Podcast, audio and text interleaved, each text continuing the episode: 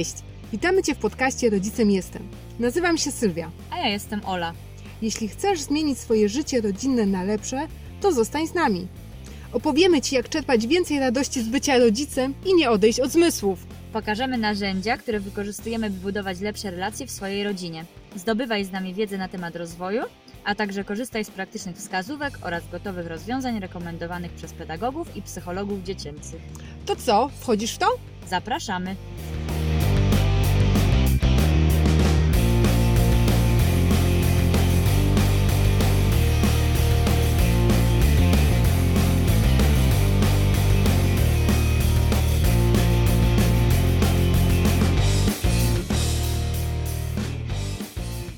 Cześć, witaj w nowym roku.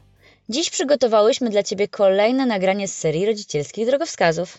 W tej serii odcinków przypominamy nagrania rozmów z pierwszej w Polsce podcastowej konferencji Kierunek Szczęście. W poprzednich odcinkach rozmawiałyśmy o spokoju, empatii, uważności i wdzięczności. Jesteśmy już prawie w połowie publikacji rozmów z pierwszej konferencji, a w ubiegły poniedziałek ruszyły zapisy na drugą konferencję. Wraz z nimi siedmiotygodniowe wyzwanie Kierunek Spokój. Przez siedem tygodni w każdy poniedziałek będziemy wysyłać do naszych czytelniczek ćwiczenia, które wdrożone w życie będą zbliżały nas do wymarzonych relacji. Jeśli nie zdążyłaś wystartować razem z nami, nie martw się. W każdy poniedziałek otrzymasz również dostęp do poprzednich zadań. Będziesz mogła dzielić się swoimi refleksjami również na grupie na Facebooku. Jeśli podobnie jak my wolisz praktykę od teorii, to świetnie, bo poza odcinkiem przygotowałyśmy dla Ciebie coś jeszcze. Do dzisiejszej rozmowy jest część praktyczna. Pobierz PDF z ćwiczeniami, dzięki którym będziesz mogła spojrzeć na współpracę z nowej perspektywy. Nie kompromisu, a takiej, w której każda ze stron będzie wzięta pod uwagę.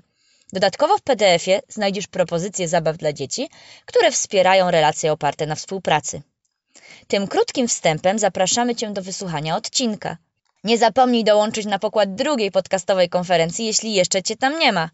Link znajdziesz w opisie do tego odcinka. Konferencja jest zupełnie bezpłatna. Dobrego dnia, popołudnia, wieczoru, w zależności od tego, kiedy słuchasz tego odcinka. Drogowskaz piąty. Współpraca. Dzisiaj porozmawiamy o współpracy. Jest to już piąty drogowskaz, jaki Wam przedstawiamy. Dlaczego mówimy o nim teraz, a nie na początku albo na samym końcu? Naszym zdaniem jest to najlepszy moment, ponieważ efektywna współpraca opiera się na kilku elementach, o których mówiłyśmy w poprzednich odcinkach tej serii. Między innymi na znajomości emocji i potrzeb własnych oraz drugiej strony, a także empatii i komunikacji. Jeśli nie miałaś okazji się z nimi zapoznać, to zapraszamy do ich wysłuchania. Świadomość tego, co się z Tobą dzieje, Twoich emocji, potrzeb i odpowiednie ich komunikowanie, ale także uważne słuchanie i dostrzeganie potrzeb drugiej strony to podstawowa umiejętność współpracy w zespole. A rodzina jest przecież zespołem. Mniejszym lub większym, ale jest to zespół, który dąży do realizacji wspólnych celów. No właśnie, wspólne cele. W tym miejscu niejednokrotnie zaczynają się schody, bo ile razy w różnych sytuacjach cele poszczególnych członków rodziny były zupełnie odmienne. Chyba każda z nas niejednokrotnie przerabiała sytuacje, w których każdy chciał czegoś innego. Ile razy pojawił się z tego powodu konflikt? W jaki sposób sobie z nim poradziliście jako rodzina? A może nie rozwiązaliście go wspólnie, bo w takich sytuacjach zawsze rację i ostatnie zdanie ma tylko jedna ze stron? Czy też idziecie na kompromis i każdy z czegoś rezygnuje? Ktoś zwycięża, a ktoś przegrywa, albo w jakiś sposób przegrywają wszyscy. Pytanie tylko, czy zawsze ktoś musi wygrać lub przegrać? Naszym zdaniem nie, bo we współpracy, nie tylko w rodzinie, powinno się dążyć do sytuacji typu wygrana, wygrana, czyli takiej, w której każda strona będzie wygrana. Co to oznacza? To znaczy, że znajdujemy takie rozwiązanie, w którym staramy się zaspokoić potrzeby wszystkich zainteresowanych, a jeśli to niemożliwe, to chociaż wziąć wszystkie te odmienne potrzeby pod uwagę. Jak w praktyce wprowadzić taką postawę w rodzinie? Odpowiedź znajdziesz w naszej dzisiejszej rozmowie z Małgorzatą Musiał. Zapraszamy serdecznie do wysłuchania. Gosia jest pedagogiem, żoną i mamą trójki dzieci. Na co dzień wspiera rodziców w ich rodzicielskich wyzwaniach. Jest realizatorką programu Szkoła Rodziców, autorką książki, prowadzi bloga i nagrywa podcast. To Gosia rzuciła nam nowe światło na temat współpracy, dlatego przy tym temacie nie wahałyśmy się ani przez moment w wyborze prelegentki. Tak ja widzę, Gosiu, Twoją działalność i to, czym się zajmujesz, a jak Ty widzisz siebie? Jaka jest Twoja perspektywa? Kim jest według Ciebie Gosia Musiał? Ja jestem z wykształcenia pedagogiem, z powołania żoną i mamą. Mam troje dzieci w wieku szkolnym, dwoje nastolatków. E, I to rodzicielstwo było dla mnie takim impulsem, żeby mm, wspierać innych rodziców w ich rodzicielskich wyzwaniach. To, czego sama doświadczałam i z jakimi wyzwaniami się mierzyłam, i gdzie znajdowałam odpowiedzi, było dla mnie taką motywacją, że chciałabym, żeby inni rodzice też e, mieli na swojej drodze taką pomoc i takie wsparcie. I tak powstał blog Dobra Relacja, potem podcast Dobra Relacja, książka Dobra Relacja, wszystko kręcące się wokół tych zagadnień związanych z rodzicielstwem i z budowaniem relacji z dziećmi. Mhm. Wspomniałaś, że jesteś mamą, że macierzyństwo bardzo wpłynęło na to, co robisz. Jak to właśnie było u ciebie z macierzyństwem? Jak sobie je wyobrażałaś, a co przyniosła ci rzeczywistość?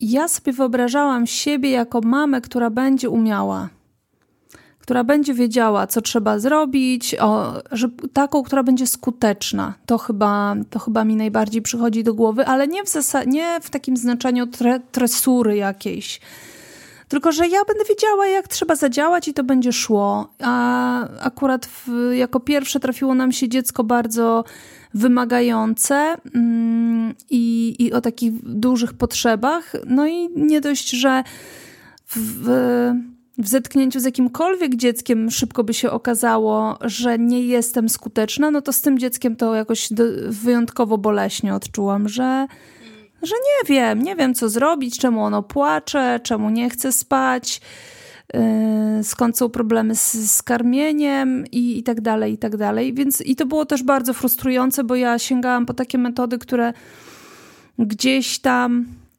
pamiętałam z, z własnej rodziny. Mam 10 lat młodszą siostrę, więc całkiem świadomie już rejestrowałam, jak się podchodzi do, do małych dzieci, i to miałam gdzieś w zanadrzu plus to, co w takiej obiegowej opinii y, żyło i miało się świetnie, typu właśnie wypłakiwanie, nie daj sobie wejść na głowę. I to było źródłem ogromnej frustracji mojej rodzicielskiej, bo ja rzeczywiście starałam sobie nie dać wejść na głowę.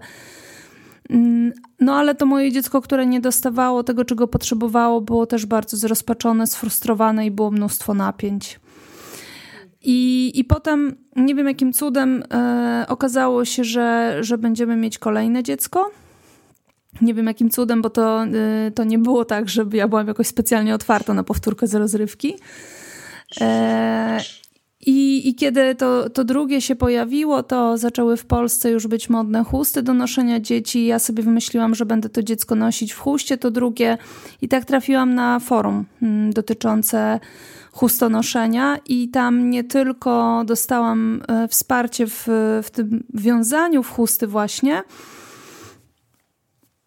ale też takie wsparcie w rodzicielstwie i zupełnie nowe, jak dla mnie, spojrzenie na rodzicielstwo. I to był dla mnie punkt zwrotny. To, to właśnie stąd się wzięło, wzięła ta misja wręcz, tak sobie myślę, że to taka misja, żeby nieść ten kaganek oświaty dalej, żeby inni rodzice nie musieli się tak frustrować jak ja przy pierwszym dziecku, żeby mogli szybciej znajdować nie łatwiejszą drogę, ale e, taką, w której jest więcej spokoju i wzajemnego zrozumienia. Mhm. Piękne jest to, co powiedziałaś, ale słyszę w tym też coś takiego, że twoja intuicja ci podpowiadała, że ty nie do końca chcesz iść tą drogą, ale nie wiedziałaś jaką. E, myślę, że teraz mamy mm, troszkę łatwiej niż kilka, kilkanaście lat temu, bo mm, jest wiele miejsc, w których możemy takie wsparcie, które ty znalazłaś, dostać. Na pewno to między innymi jest twoja strona, tak? Czy, czy wiele takich wartych polecenia miejsc. Skąd wiedziałeś, że to jest właśnie to miejsce? Skąd ta, ta taka pewność, że właśnie, właśnie tak chcesz? Yy, że to jest to podejście? Tak, tak. Skąd, skąd miałeś tą pewność? Tak, tak. Skąd, skąd miałeś tą pewność? Wiesz co, bo powiedziałaś właśnie o intuicji. I ja sobie myślę, że może moja intuicja gdzieś tam próbowała się przebić, intuicja czy jakieś takie serce bardziej, wiesz. Ale, ale ja przez wiele lat w swoim życiu uczyłam się tego nie słuchać, więc dlaczego teraz, będąc mamą, miałabym zacząć tego słuchać? Nie, nie słuchałam tego ani kiedy podejmowałam decyzje zawodowe, mm, ani kiedy wchodziłam w relacje między y, z innymi ludźmi. Więc dlaczego miałabym teraz w, w, rodzicielstwie to robić? Było mi bardzo trudno uwierzyć w to, co mi mówi moje ciało i moje, moje emocje, co mi podpowiadają.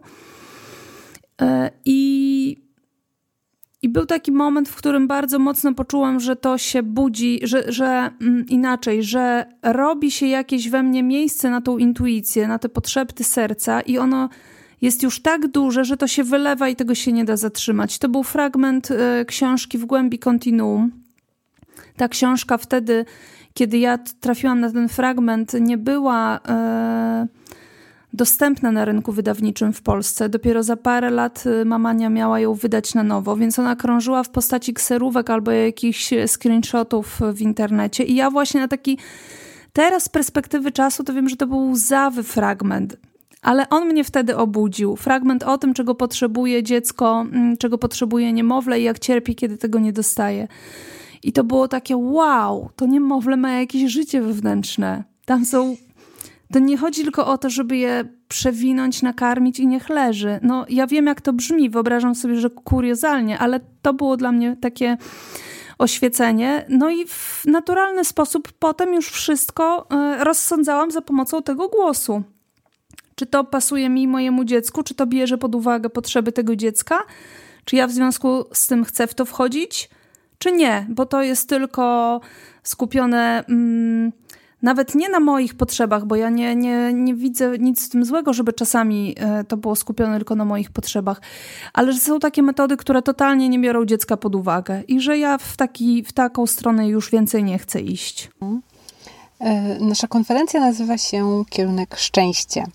E, mamy takie założenie, że właśnie poprzez budowanie nawyków, poprzez małe kroki, właśnie żyjemy w zgodzie ze sobą, w zgodzie ze swoimi wartościami, dbając właśnie o własne potrzeby i potrzeby naszych bliskich.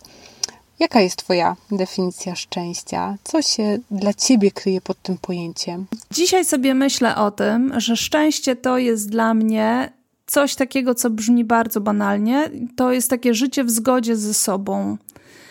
Yy, i w otwartości na drugiego. I jak to mówię, to jeszcze myślę o tym, że to jest dla mnie takie dążenie do równowagi między byciem przy sobie i przy kimś, między uwzględnianiem siebie i kogoś. I z takim zaufaniem, że współza bycie współ we współzależności z innymi jest. Yy,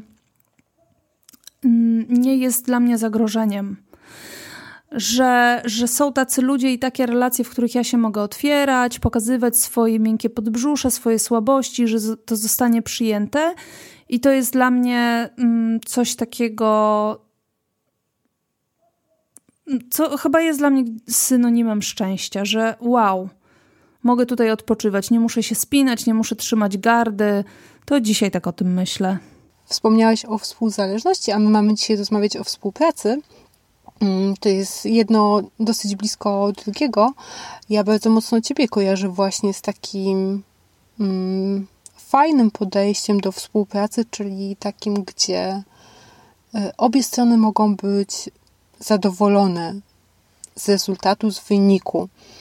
E, co, co dla Ciebie jeszcze poza tym, co ja powiedziałam, mm, znaczy współpraca?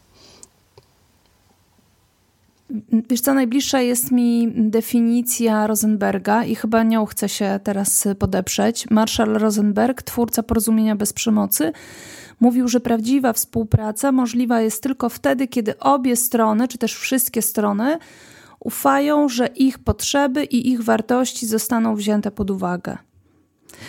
Zatem ja nawet nie wiem, czy wszyscy muszą być zadowoleni z efektu, bo sobie myślę, że są takie mm, sytuacje w moim życiu rodzinnym, kiedy nie wszyscy są zadowoleni z jakichś rozwiązań, ale wszyscy mają poczucie, że zostali wzięci pod uwagę i potraktowani poważnie. W danym momencie może zabrakło strategii, może za, zabrakło czasu czy pomysłu na to, jak to rozwiązać inaczej, ale to nie jest tak, że y, kogoś się pomija w podejmowaniu decyzji. Więc to, to jest dla mnie sednem. Mhm. Jakie korzyści płyną z tego, że współpracujemy, że pokazujemy dzieciom naszym, tak, w jaki sposób można współpracować, bo mm, ja bardzo mocno pamiętam, że za moich czasów takim bardzo modnym pojęciem był kompromis, tak? Czyli takie nie do końca e, coś, co brało pod uwagę wszystkich potrzeby, tylko takie ja trochę zrezygnuję, ty trochę zrezygnujesz i będzie ok, a tak, a tak naprawdę obydwoje byliśmy w czarnej rozpaczy, tak? E, I ja to tak bardzo mocno pamiętam. A, a współpraca właśnie taka którą ty przed chwilą zdefiniowałaś, e, posługując się właśnie Rosenbergiem, czy gdzieś tam podczas twoich webinarów, które nieraz miałam okazję słuchać, to właśnie jest troszkę inne pojęcie niż, e, niż, niż, to takie, niż ten kompromis. Jakie z tego płyną korzyści? E, no to jeżeli jesteśmy przy rozwiązaniach, no to rzeczywiście staramy się znaleźć takie rozwiązanie, które będzie odpowiadało na potrzeby obu stron. Czyli korzyścią jest też to, Korzyścią jest to, że po pierwsze mamy zaufanie, że znajdziemy takie rozwiązanie, nawet jeżeli na pierwszy rzut oka wydaje się, że to jest niemożliwe. E, jesteśmy otwarci na to, że możemy teraz tego rozwiązania nie widzieć, ale ono nam się pojawi.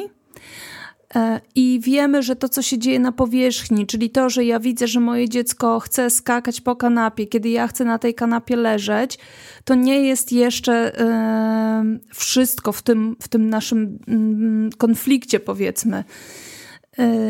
Tylko tam jest coś pod spodem. Każdy z nas ma jakieś pomysły na zatroszczenie się o coś, co jest dla niego ważne. I teraz, jeżeli ja będę się ścierać, że masz tu nie skakać, a ono będzie się opierało, że ono tu będzie skakać, no to nie będzie współpracy, bo rzeczywiście każdy obstaje tylko przy swoim. Ale kiedy ja jestem otwarta, żeby zobaczyć, co tam jest pod spodem, że ja nie chcę, żeby ono skakało, co u niego jest pod spodem, że ono chce skakać akurat teraz, akurat tutaj, to możemy poszukać jakichś nowych rozwiązań, bo może się okazać, że ono chce kontaktu ze mną, a ja chcę e, leżeć nie, i, i nie martwić się o to, że za chwilę ktoś mi na głowę spadnie, i w takim momencie rozwiązaniem może być to, że położymy się razem i posłuchamy audiobooka. Więc będzie i kontakt, i odpoczynek, ale do tego potrzeba rzeczywiście zaufania, że to, co widzę, to jest tylko jakiś wycinek. I w, tej, I w tej współpracy jest jeszcze jakieś drugie dno, i, no i pytanie, czy mam zasoby, żeby w to wejść w danym momencie. Jeżeli mam i jeżeli się na to decyduję, żeby zainwestować, to dla mnie to jest ogromna korzyść, że mm, i ja, i ta druga strona czujemy, że jesteśmy dla siebie ważni. No bo gdyby nie, gdybyśmy nie byli, to by się nam nie chciało tego wysiłku podejmować.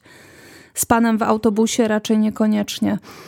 E, chce mi się aż tak e, nie e, zastanawiać i szukać głębiej, co każdy z nas miało na myśli, kiedy on na mnie burknął, a, a ja mu, bo ja mu dałam za, za grube pieniądze w danym momencie. Ale z moim dzieckiem, z moimi bliskimi chce mi się to robić. Czyli współpraca buduje relacje tak naprawdę. Wspiera budowanie relacji. Rodzice bardzo często myślą o tym, jak zmotywować dziecko do współpracy, w jaki sposób zrobić, żeby dziecko chciało to czy tamto. No to w jaki sposób? No tak, widzisz, to jest takie myślenie właśnie, które już, e, mm, które już nas e, sprowadza na manowce. Bo ja już nie myślę, dlaczego ono tego nie chce, tylko jak ono ma to zrobić. Czyli ja nie patrzę poza ten wycinek, który mam na dłoni tylko patrzę, jak ja mogę dostać to, co chcę. To nie znaczy, że ja nie mam się troszczyć o, o to, co chcę. Oczywiście, że to jest ważne i nie będziemy tutaj udawać, że tak nie jest, ale jeżeli ja się skupię tylko na tym i nie chcę uwzględnić, że druga strona ma jakiś dobry powód, żeby nie myć zębów, nie odrabiać lekcji i siedzieć trzy godziny e, wpatrzona w ekran smartfona czy laptopa, to w tym momencie e, ja nie jestem we współpracy. I żeby było jasne, ja mam takie podejście, że ja nie muszę zawsze być w tej współpracy. I ja czasami mówię, ja nie mam siły, naprawdę nie mam siły teraz zaglądać pod powierzchnię, czemu ty chcesz jeszcze to dokończyć. Proszę, ja chcę, żebyś ty teraz o to odłożyła i zamknęła i już odeszła i poszła robić coś innego. Tylko warto wiedzieć, że to nie będzie sytuacja, która buduje współpracę. E, I, I to jest pierwsza rzecz. Często jest też tak, że nie mamy zaufania, że dzieci będą chciały z nami współpracować, że, że one mają w tym jakiś interes. E, znaczy, tak, że mają interes mm, z samego faktu współpracy z bliskimi, kochanymi e, przez nie ludźmi. Wydaje nam się, że musimy im coś zaoferować albo czymś im zagrozić, żeby je do tego zmusić, a nie, że one będą chciały to zrobić tylko dlatego, że są naszymi dziećmi, a my jesteśmy ich rodzicami i one nas kochają. Więc to też, e, to też e, jest takim, taką kolejną pułapką.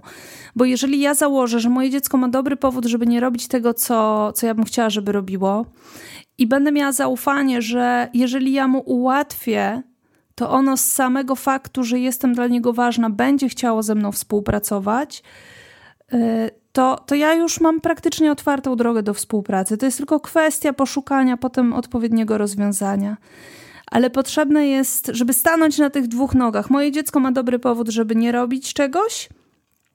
E, znajdźmy to, zobaczmy o co tam chodzi, jak możemy mu ułatwić. I kiedy będzie miało sprzyjające okoliczności, to na pewno będzie chciało ze mną współpracować. Bo dlaczego miałoby nie chcieć? Jesteśmy tak zaprogramowani, żeby współpracować ze sobą, bo chcemy być we współzależności ze sobą. To jest dla nas źródło szczęścia, żeby być w relacji, wnosić wkład w życie innych ludzi. I jeżeli tego nie robimy, to nie dlatego, że jesteśmy złośliwi, leniwi, kapryśni czy źle wychowani, tylko dlatego, że coś nam stoi na przeszkodzie. Więc jeżeli mam to zaufanie, że to się wydarzy, to ja już nie muszę się zastanawiać, jak zmotywować. Bo, bo to się dzieje samo. I to jest coś też, o czym pisze Joachim Bauer, że układ motywacyjny człowieka odpowiada natychmiastową, pozytywną reakcją na to, e, na przejawy zaufania ze strony innych ludzi. Jeżeli ja widzę, że ktoś mi ufa, jest życzliwie nastawiony do mnie, to ja chcę z nim współpracować. Ja nie potrzebuję, żeby on mi stawiał oceny, czy mnie zachęcał. Ja to chcę zrobić dla niego, po prostu. Tak działamy. Wiesz co, wspomniałaś o myciu zębów, to jest taki bardzo nośny temat, chyba takie top 3 u rodziców. E, ja wiem sama, bo... Mm, mamy kilka wizyt u dentysty zaliczonych i e, moi córce ostatnio zaczęły wychodzić drugie zęby. Myła elektryczną szczoteczką i nie chciała. Naprawdę zagonienie jej do łazienki graniczyło z cudem. I wystarczyło właśnie zrobić to, co ty mówisz, tak? E, poszukać o co chodzi. Okazało się, że to po prostu sprawia jej ból i wymienienie na szczoteczkę nieelektryczną na ten moment, na te być może kilka miesięcy, może troszkę dłużej, e, nie, spowodowało, nie spowodowało tego, że ona z uśmiechem na twarzy idzie e, do tej łazienki, bo to też nie jest tak, że nagle jest tak, to jest moje ulubione zajęcie i będę szorować zęby trzy dni e, zamiast 15 minut czy tam 3 minut, ale też nie ma aż takiego oporu, tak? Y, właśnie jest to, co mówisz, taka współpraca, tak? Okej, okay, dobra, mama ustąpiła tutaj z tym, bo chciała dla mnie dobrze, to ja też wiem, że mamie zależy, żeby nie chodzić do tego dentysty i ja też będę właśnie współpracować, tak? I to też czasami nasze oczekiwania chyba są, powiedzmy, zbyt duże, tak? Że nam się wydaje, że ta współpraca polega na tym, że nagle teraz to moje dziecko do tej łazienki pójdzie uśmiechnięte i zadowolone. No, być może jeszcze dzisiaj nie, może jutro, może pojutrze, tak?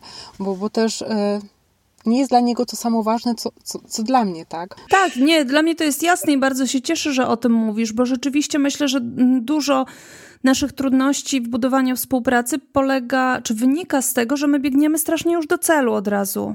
Że po prostu zęby muszą być umyte i Zwłaszcza kwestie zdrowotne nie podlegają dyskusji u wielu rodziców. Moim zdaniem to jest bardzo ryzykowne, bo oczywiście, że zdrowie jest y, ogromnie ważne, ale często, e, kiedy na plan, e, jakby na scenę wchodzi zdrowie fizyczne, to jakby natychmiast schodzi zdrowie emocjonalne. Już go nie ma.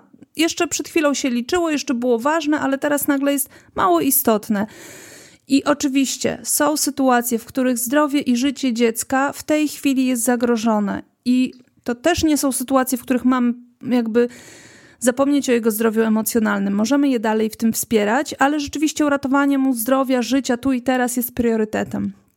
Tak, jeżeli wbiega nam na ulicę i wskakuje pod samochód, to nie mówimy mu, czy chce pod czerwony, czy niebieski, tylko po prostu je łapiemy i chronimy, a później tłumaczymy sytuację dokładnie, tak. Tak, albo no, mogą być też jakieś wypadki, które natychmiastowej interwencji medycznej wymagają. Natomiast jest szereg takich sytuacji związanych z pobraniem krwi, szczepieniem, pobraniem krwi na jakieś badania rutynowe, nie, nie mm, natychmiastową diagnostykę właśnie kontrolą e, stomatologiczną i tak dalej, i tak dalej. I czasami, e, nie czasami, tylko w ogóle, jeżeli mamy wątpliwości, to warto zapytać lekarza o to, czy my mamy czas na to, żeby to zrobić w jakimś bardziej e, spowolnionym tempie.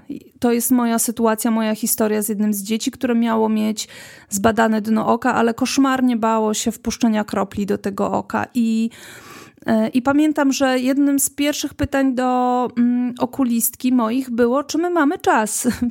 czy my mamy czas na to, żeby to zrobić spokojniej, bo ja wiem, że dziecko można przycisnąć kolanem i można w trzy osoby rozewrzeć mu powieki i to zrobić tylko że cierpi na tym zdrowie emocjonalne, a dla mnie jedno i drugie jest bardzo, bardzo ważne. Więc e, z myciem zębów często tak jest, że rodzice mówią: O nie, tutaj to jest w ogóle granica, której nie przejdziemy.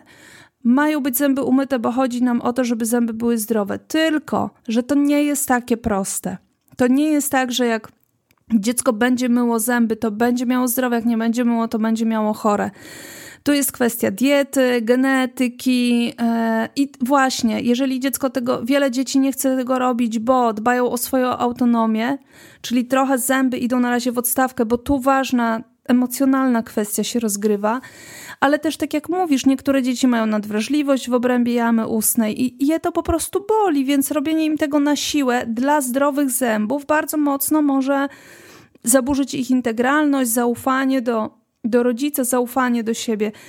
Zatem naprawdę warto y, zatrzymać się, zanim podejmiemy jakieś decyzje, zatrzymać się i, i rozważyć je z większym dystansem. Czy rzeczywiście to jest to, co chcemy zrobić, żeby zadziałać czasami potrzebuje zadziałać z siłą ochronną, potrzebuje to, to dziecko przytrzymać, zadecydować wbrew jego woli w danym momencie, ale e, warto to robić jak najrzadziej i naprawdę je uwzględniać i, i zobaczyć, jaki ono ma dobry powód w danym momencie, że tego nie chce. Bo to zdrowie emocjonalne to jest cały czas temat, który e, jest niszowy chyba, a kładzie się cieniem na całe nasze e, późniejsze życie. No, dokładnie. Wspomniałyśmy właśnie przed chwileczką o tym, że czas jest tutaj takim sprzymierzeńcem, tak, że, że czasami, jeżeli go mamy więcej, na pewno nam łatwiej. Ja myślę, że kolejną rzeczą, o której warto wspomnieć, a której nam bardzo, bardzo często brakuje, to są nasze zasoby. I, I jeżeli my jesteśmy wypoczęte, jeżeli my mamy siłę i dbamy o siebie, to też nam jest łatwiej współpracować. My jesteśmy tymi, którzy inicjują tą współpracę bo w relacji dorosły-dorosły to te siły rozkładają się mniej więcej porówno. Jak ja nie mam zasobów, to drugi dorosły zainicjuje, ale w relacji dorosły-dziecko to jednak ja jestem osobą, mm, która ma więcej możliwości. Więc jeżeli ja nie mam zasobów, no to trudno liczyć na to, że dziecko je będzie miało. Dokładnie. I myślę, że też taką dużą rolę nasze przekonania mm, tutaj grają właśnie to, że tak jak ja wyniosłam z takiego wieku nastoletniego, że, że kompromis to jest to coś wymarzonego, pewnie jest jeszcze wiele takich innych, które właśnie wpływają na to, że no gdzie ja tu, że, o, ty mówiłaś, że, że dzieci na głowę nam wejdą, jeżeli my będziemy y, chcieli je traktować tak na równi z sobą, że myślę, że to też jest kolejny jakiś tam kawałek właśnie związany z tym, że no to jest wyzwanie, jeżeli chodzi o, o współpracę to takim przekonaniem, wiesz, o którym sobie myślę, kiedy ciebie słucham, to jest to, że dzieci po prostu mają słuchać dorosłych. Mhm, tak, nadal bardzo, bardzo mm, popularne, bardzo mocno jeszcze w wielu miejscach, myślę, wybrzmiewające. Tak, i myślę, że też w tych kręgach rodziców, którzy mimo wszystko chcą być otwarci na zdrowie emocjonalne dzieci, to też się pojawia, bo gdzieś tam mm, może się okazać, że mamy nieuświadomione oczekiwanie, że jeżeli my jesteśmy dla tych dzieci tacy otwarci na ich potrzeby, to one będą się zachowywały w bardziej harmonijny sposób. A zazwyczaj tak wcale nie jest, bo one właśnie wiedzą, że mogą być sobą e, w całej okazałości i, i często ich zachowanie może być dla nas, ale jak to? Przecież ja do ciebie z językiem potrzeb, z empatią, jak, jak możesz w ten sposób robić i myślimy sobie, kurczę, no musi być, gdzieś jest granica szacunku do dorosłego. No i tu się kończy współpraca. Rzeczywiście, jeżeli zaczynamy interpretować dziecięce zachowanie w kategoriach braku szacunku do siebie, no to tu jest koniec, to tu jest po współpracy. Dla mnie to jest bardzo mocno... Mm, bardzo, bardzo jest dla mnie ważne to założenie, że dzieci naprawdę, jeżeli mogą zachowywać się dobrze, w cudzysłowie, to to robią. A jeżeli tego nie robią, to dlatego, że coś im przeszkadza, a nie, że nie są nauczone szacunku. One naprawdę mm, nie muszą się uczyć uwzględniania drugich. To, mamy to wpisane w swoją naturę. Jeszcze raz to powiem, jeśli tego nie robimy, to znaczy, że mamy na swojej drodze jakieś przeszkody. I, i rzeczywiście takie, takie przekonania mogą nam bardzo mocno mm, zabierać dziecko sprzed oczu. Przestajemy widzieć y, tego drugiego człowieka, tego małego człowieka, tylko widzimy, że nie dostajemy w tej relacji tego, co wydaje nam się, że powinniśmy dostawać. Czyli właśnie, na przykład, moje dziecko mnie nie szanuje, pewnie jestem kiepską matką, pewnie za dużo tego bliskościowego podejścia. E, e, gdzieś tutaj musi być granica, i to jest coś, co, co bardzo przeszkadza, i podejrzewam, że łatwiej jest wejść w takie mm, myślenie, kiedy nie mamy zasobów, właśnie o których mówiłaś. Jak jestem zmęczona, niewyspana, e, czuję, że, że mm, nie ma w moim miejscu jakoś specjalnie życia na Y, nie ma specjalnie miejsca na to, co bym chciała robić, tylko, tylko zajmuję się tymi sprawami rodziny i, i mam z tego powodu frustrację. No to jak ktoś mi znowu staje i mówi, że nie, on nie będzie mył zębów, albo nie, on nie będzie odrabiał lekcji, albo nie, nie będzie sprzątał pokoju, to, to, to mi się już wylewa. Mm. Ja myślę to, co powiedziałaś a propos dzieci, że no dzieci jeżeli nawet zachowują się źle w cudzysłowie, to dlatego, że no coś tam im doskwiera pod, pod tą ich powierzchnią. Ja myślę, że to dokładnie tak samo odnosi się nie tylko do dzieci, ale do nas, dorosłych. Kiedy my czujemy się źle, też nie zachowujemy się tak, jakby jakbyśmy nawet może i sami od siebie oczekiwali, już nie mówiąc o otoczeniu. Także to nie tylko dotyczy dzieciaków. Tak, tak, no bo my też chcemy budować te relacje głębokie i, i pełne wzajemnego zrozumienia i miłości, więc tak e, cieszę się, że to mówisz, że jeżeli tego nie robimy, to dlatego, że mamy dobry powód. To nie znaczy, że, że ten powód nas usprawiedliwia, ale jeżeli chcemy naprawdę jakoś dokonać zmiany, no to zajmijmy się tym powodem, co stoi nam na przeszkodzie, co mi uniemożliwia zobaczenie mojego dziecka w, w jego trudzie, który ono przeżywa co, co jest tym, co sprawia, że, że jestem cała spięta i mam ochotę powiedzieć, żeby wszyscy zeszli mi z oczu. Co, co takiego się dzieje? Chcę się tym najpierw zająć i dopiero potem będę mogła budować współpracę. A co tobie ułatwia budować współpracę z twoimi dziećmi? Wiesz co, chyba najbardziej właśnie to zaufanie, że one chcą. Jeżeli tego nie robią, to znaczy, że mają dobry powód. Naprawdę, to jest dla mnie jedno z takich odkryć rodzicielstwa,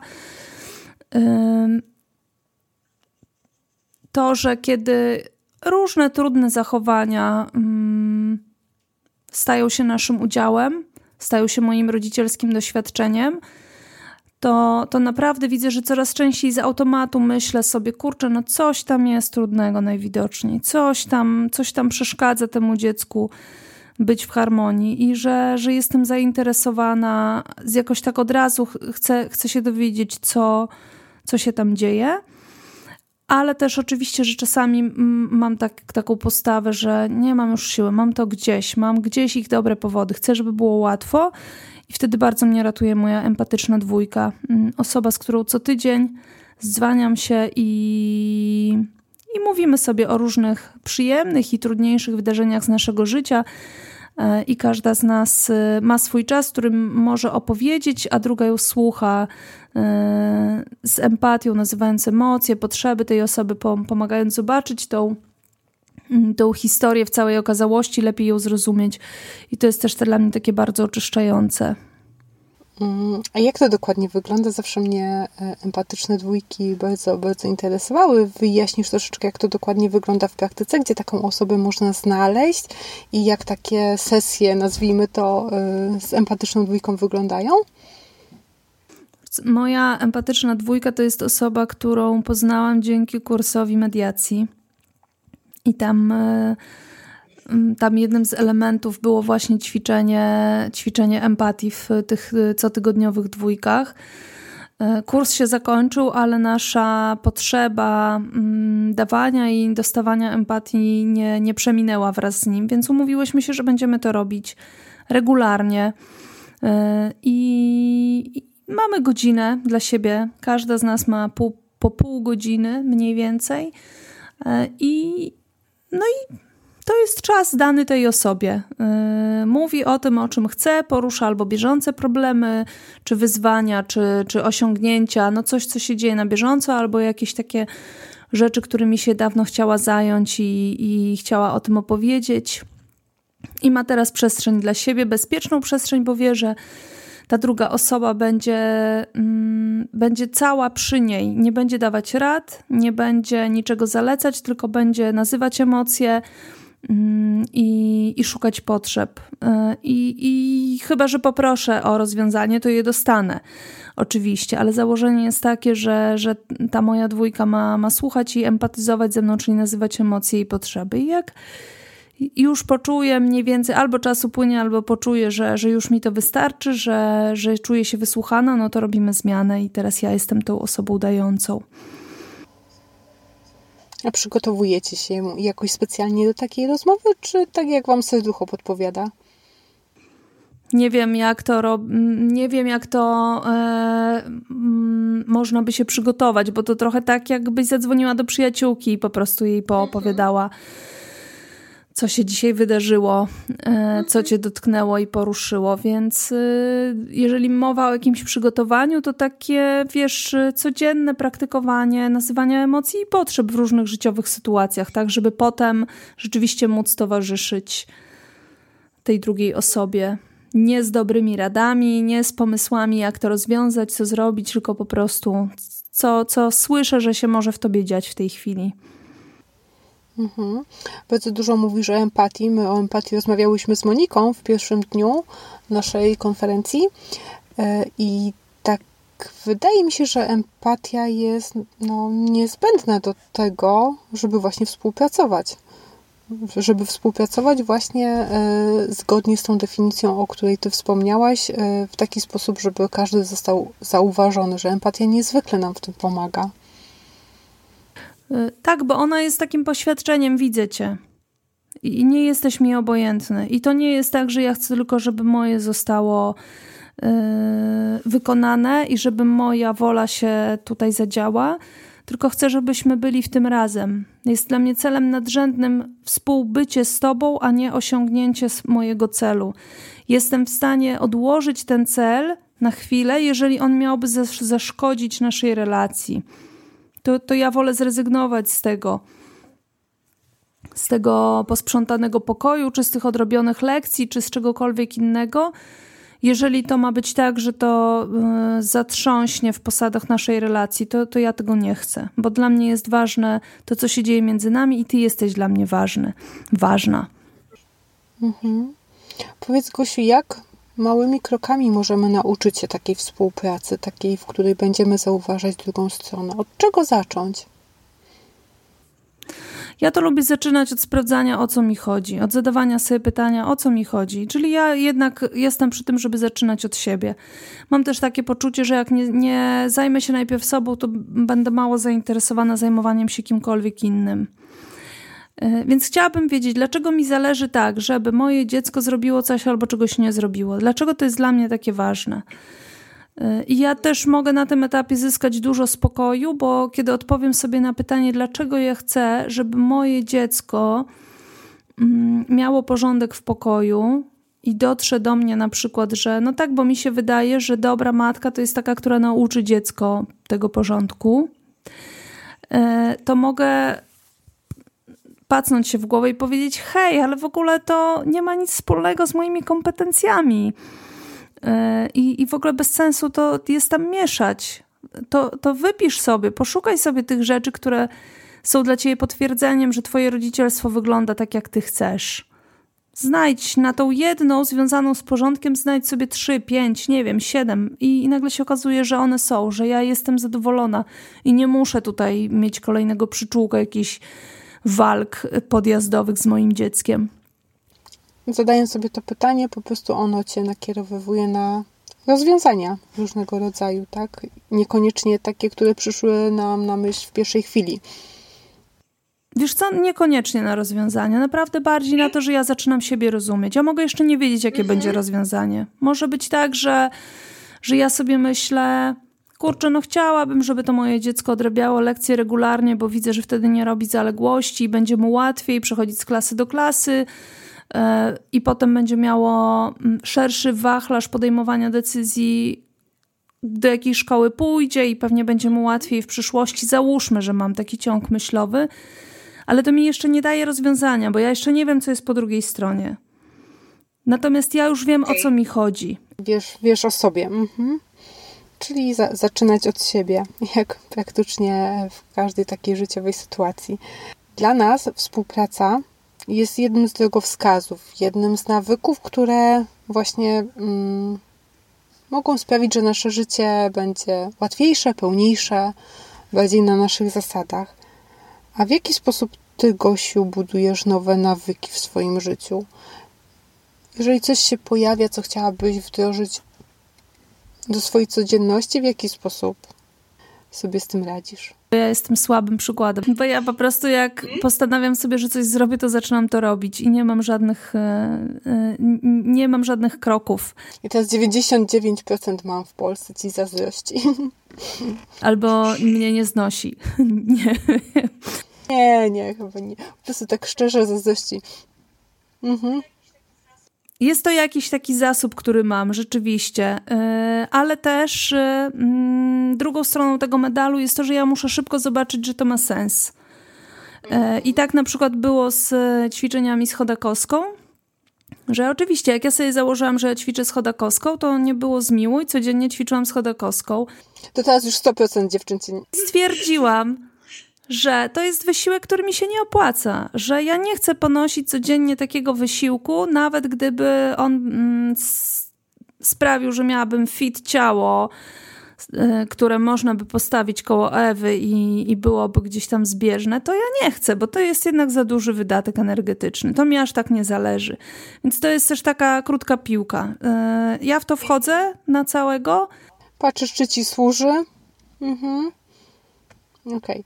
no to wiesz, myślę, że, że odbudowałaś tutaj swoją sympatię, ale a tak poważnie, no to właśnie chyba myślę, że to jest klucz przy, przy właśnie budowaniu jakichś nawyków, czy na pewno one są dla nas i czy one nam służą.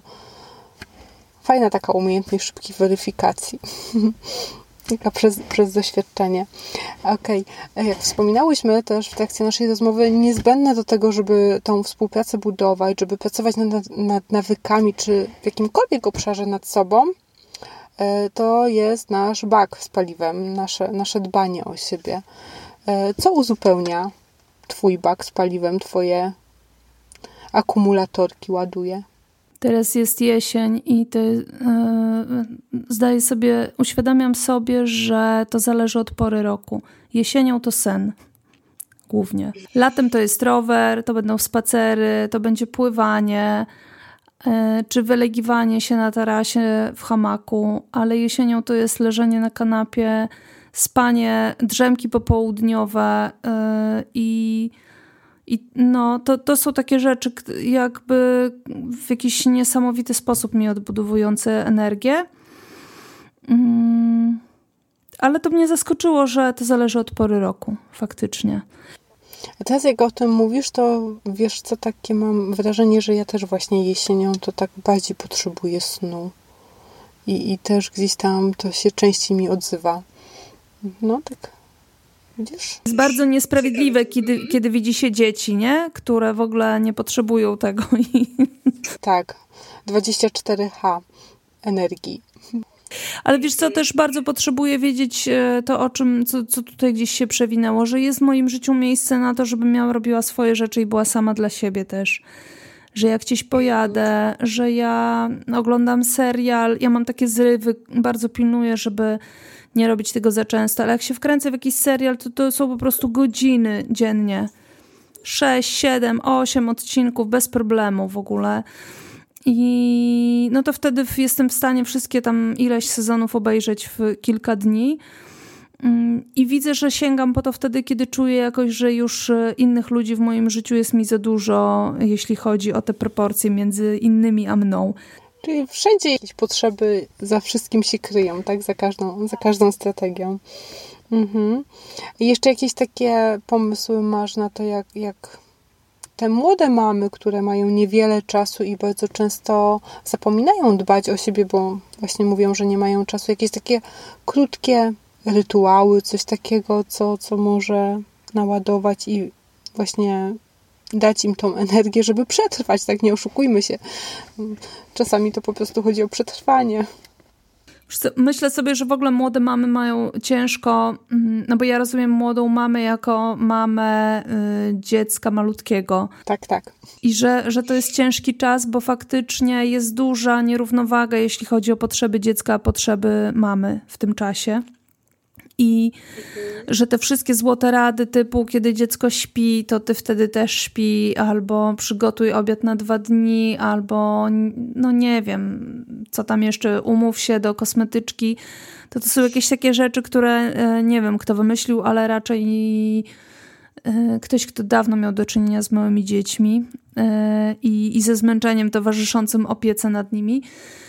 I jakoś najbardziej mi się wysuwa, że dużo może zrobić to, że ta mama sobie nie będzie dokładać, tak mentalnie, tak emocjonalnie, że sobie pozwoli na to, że nie daje rady, że jest zmęczona, że to nie wygląda tak, jak miało może wyglądać, że teraz jest taki czas. E, ja bardzo pamiętam, że przy pierwszym dziecku to miałam poczucie, że taka czarna dziura mnie wsysa i to przerażenie, że to się już nigdy nie skończy, że to będzie cały czas tak, że... Że tylko będzie gorzej. Tak, i gdyby ktoś wtedy przyszedł i powiedział, to jest teraz taki czas, ale on mija, to by było na pewno mi łatwiej jakoś e, w to wejść. Ale wiesz, takie niedokładanie sobie, no, no dobra, no leżysz do 14 albo nie wiem, snujesz się cały dzień w piżamie z nieumytymi zębami, no i okej, okay, no to jest taki czas. To nie będzie tak zawsze. To dziecko kiedyś urośnie i naprawdę nie musisz robić dwudaniowych e, obiadów. Ile ja znam historii mm, o matkach, które kilka dni po porodzie gotują obiady wystawne dla całej rodziny, bo są święta, bo są chrzciny, bo jest komunia, bo coś tam, to to jest dla mnie w ogóle niesamowite, że takie rzeczy mają miejsce, wiesz, że, że jest takie oczekiwanie, które płynie w stronę matek i że one w to wchodzą też że one to muszą zrobić, więc e, to nie, nie do, niedoładowywanie sobie, to wydaje mi się, że to jest najwię mhm. największa rzecz. Będziemy się powoli zbliżać do końca tej rozmowy, ale zanim jeszcze przejdziemy do tego, gdzie możemy Ciebie znaleźć, to chciałam się zapytać, jakie książki w temacie budowania takiego właśnie nawyku współpracy byś poleciła? Dla mnie Biblią, jeśli chodzi o budowanie współpracy z dzieckiem, jest wszystko, co wychodzi spod pióra doktora Rosa Greena. To, jak on patrzy na współpracę, jak on y, tą współpracę y, buduje i, i zaprasza do budowania ją według e, trzech kroków, które nie są jakoś super odkrywcze, bo one się gdzieś w tych empatycznych podejściach y, powielają, ale jednak Green dokłada tam taki element, który bardzo mocno wiąże się ze zrozumieniem dziecka, ze zrozumieniem, że to dziecko nie zachowuje się zgodnie z naszymi oczekiwaniami, bo nie może i nic mu nie da, że my będziemy naciskać je mocniej albo próbować je motywować. E, to, to jest dla mnie absolutne mistrzostwo i ja go bardzo lubię i bardzo polecam. Te książki to Porozumienie przez współpracę i Zagubieni w szkole. Książka, która e, odnosi się mocno do środowiska szkolnego, dla nauczycieli, wychowawców, ale też dla rodziców i w zasadzie, mimo tego, że jest mocno w realiach szkolnych osadzona, to sposób, w jaki jest pisana, jest bardzo uniwersalny i dużo światła rzuca na taką codzienność też pozaszkolną. to polecamy te książeczki. A teraz jeszcze Gosiu powiedz, gdzie Ciebie możemy znaleźć w sieci, gdzie Ciebie możemy znaleźć online. Hasło dobra relacja. Blog, podcast. Książka. Książka, tak. Cudowna. Yy, jest też e, rodzicielski przybornik. Yy, to jest e, pakiet takich krótkich kursów online do wykorzystania od razu i jest tam też możliwość zajęcia się współpracą właśnie, bo jest współpraca, motywacja i dorosła złość, więc to są te miejsca, w których bywam i, i w których dzielę się no i oczywiście media społecznościowe, Facebook, Instagram, tam dzielę się też swoimi Mm, pomysłami, refleksjami i, i tym, jak wchodzić w różne wyzwania rodzicielskie. Mhm. Czy jest jeszcze coś, co na koniec byś chciała powiedzieć i podsumować w jakiś sposób tą naszą rozmowę? E, jak słucham zagranicznych konferencji online, to tam zawsze pada to pytanie i coś, co mnie strasznie łapie za serce, kiedy ci rozmówcy mówią, to, to jest to, co, co ja chcę też powiedzieć, że y, najważniejsza jest relacja z dzieckiem, z drugą osobą, że te rozwiązania, te strategie, owszem, one mają nam ułatwiać codzienność, mają nam pomagać, ale jeżeli ta relacja jest na pierwszym miejscu, i ta relacja nie rozumiana jako odpuszczanie i zgadzanie się na wszystko, tylko jako, jako ciągłe szukanie porozumienia, kontaktu i otwieranie siebie i mówienie o sobie i słuchanie drugiej strony, no to po prostu nie ma bata, jesteśmy zawsze wygrani. Więc to, to jest chyba taka ostatnia, y, najważniejsza rzecz, którą, z którą chciałabym, żebyśmy wszyscy zostali teraz. Tak szybko y, zleciał mi ten czas y, z Tobą. Bardzo Ci dziękuję Mam nadzieję, że nasze słuchaczki bardzo dużo z tej rozmowy wyciągną, e, że wezmą coś dla siebie i że od dzisiaj współpraca będzie im się o wiele lepiej układać ze wszystkimi i będą naprawdę budować piękne relacje. Bardzo Ci, Gosiu, dziękuję i mam nadzieję, że do usłyszenia. Tak jest. Dzięki. Dzięki bardzo. To był podcast Rodzicem Jestem. Dziękujemy za wysłuchanie. Po więcej zapraszamy na facebookowy fanpage Rodzicielski Drogowskaz, stronę podcastu www.rodzicemjestem.pl oraz blog www.rodzicielskidrogowskaz.pl. Jeśli spodobał Ci się podcast, zostaw swoją opinię na iTunes. Dzięki temu będziemy wiedzieć, że to, co robimy, ma sens. Do usłyszenia!